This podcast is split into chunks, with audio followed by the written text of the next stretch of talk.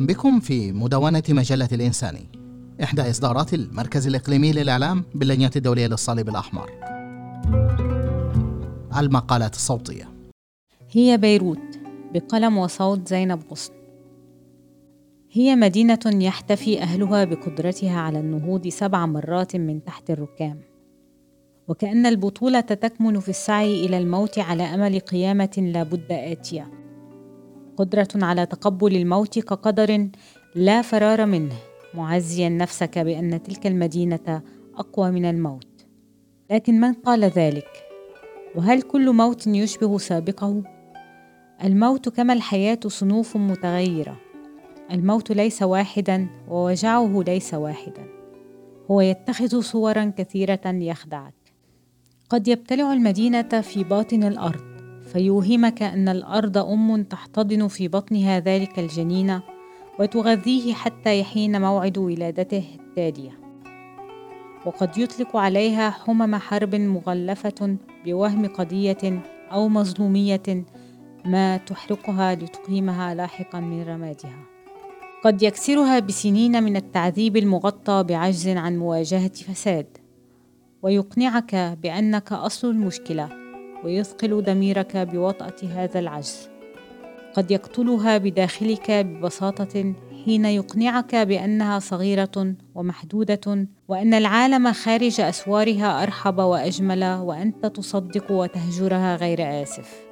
لكن من قال إن علينا أن نصدق الموت حين يطلق أوهامه؟ من قال أن لا حياة لتلك المدينة إلا بموتها؟ من قرر أن قدرها مكتوب في تكراره؟ أم أننا نرغب في التصديق لنخفف عن أنفسنا احساسا بالذنب لعجزنا عن منع تكرار ذلك القدر. هي مدينة الآبار الكثيرة ولعل في اسمها حفر قدرها أيضا. فمن سماها قد يكون فهم باكرا أن عمق آبارها وكثرتها ليس مصدرا للماء العذب فحسب تقدمه لمن ارتضى سكناها. هو الطعم الذي تصطاد به من يعشقها فترميه في لجاها وهو يقبل بأن يموت من دون أي مقاومة اختناقا بحبها. عاجزا عن الفكاك منه. كثيرون ينتظرون هذا القدر. كثيرون فهموا أن هذه المدينة ستبتلعهم يوما ما. فجلسوا بهدوء ينتظرون الساعة. لكن احدا لم يتوقع أن يكون ابتلاع البئر لهم عبر ريح عاتية ترتفع في السماء في يوم صيفي ثم تتقدم ناسفة كل ما يقف في طريقها ومن يقف. تشظت المدينة واختلط زجاجها وحجارتها بدماء ناسها. أولئك المنتظرون على شرفاتهم ينظرون إلى بحرها الفيروزي. رأوا تلك الموجة تتقدم منهم ماسحة ما يقف في طريقها. لعل أحدهم وقف مذهولا على شرفة حيه القديم ينتظرها أن تقترب. ربما اعتقد أن بحر المدينة سيبتلعه فاستسلم له. لكنه لم يفهم أن المدينة كانت تلفظ نفسها الأخير. هي كانت تحتضر منذ سنوات. منذ أن نهشت الحرب روحها ولم تستطع استرجاعها. منذ أن طردت من أحبوها. منذ أن قررت أن تصبح عبدة للمظاهر الخداعة. منذ أن فقدت الأمل بأن تحيا كأي مدينة بأرواح أبنائها وآمالهم.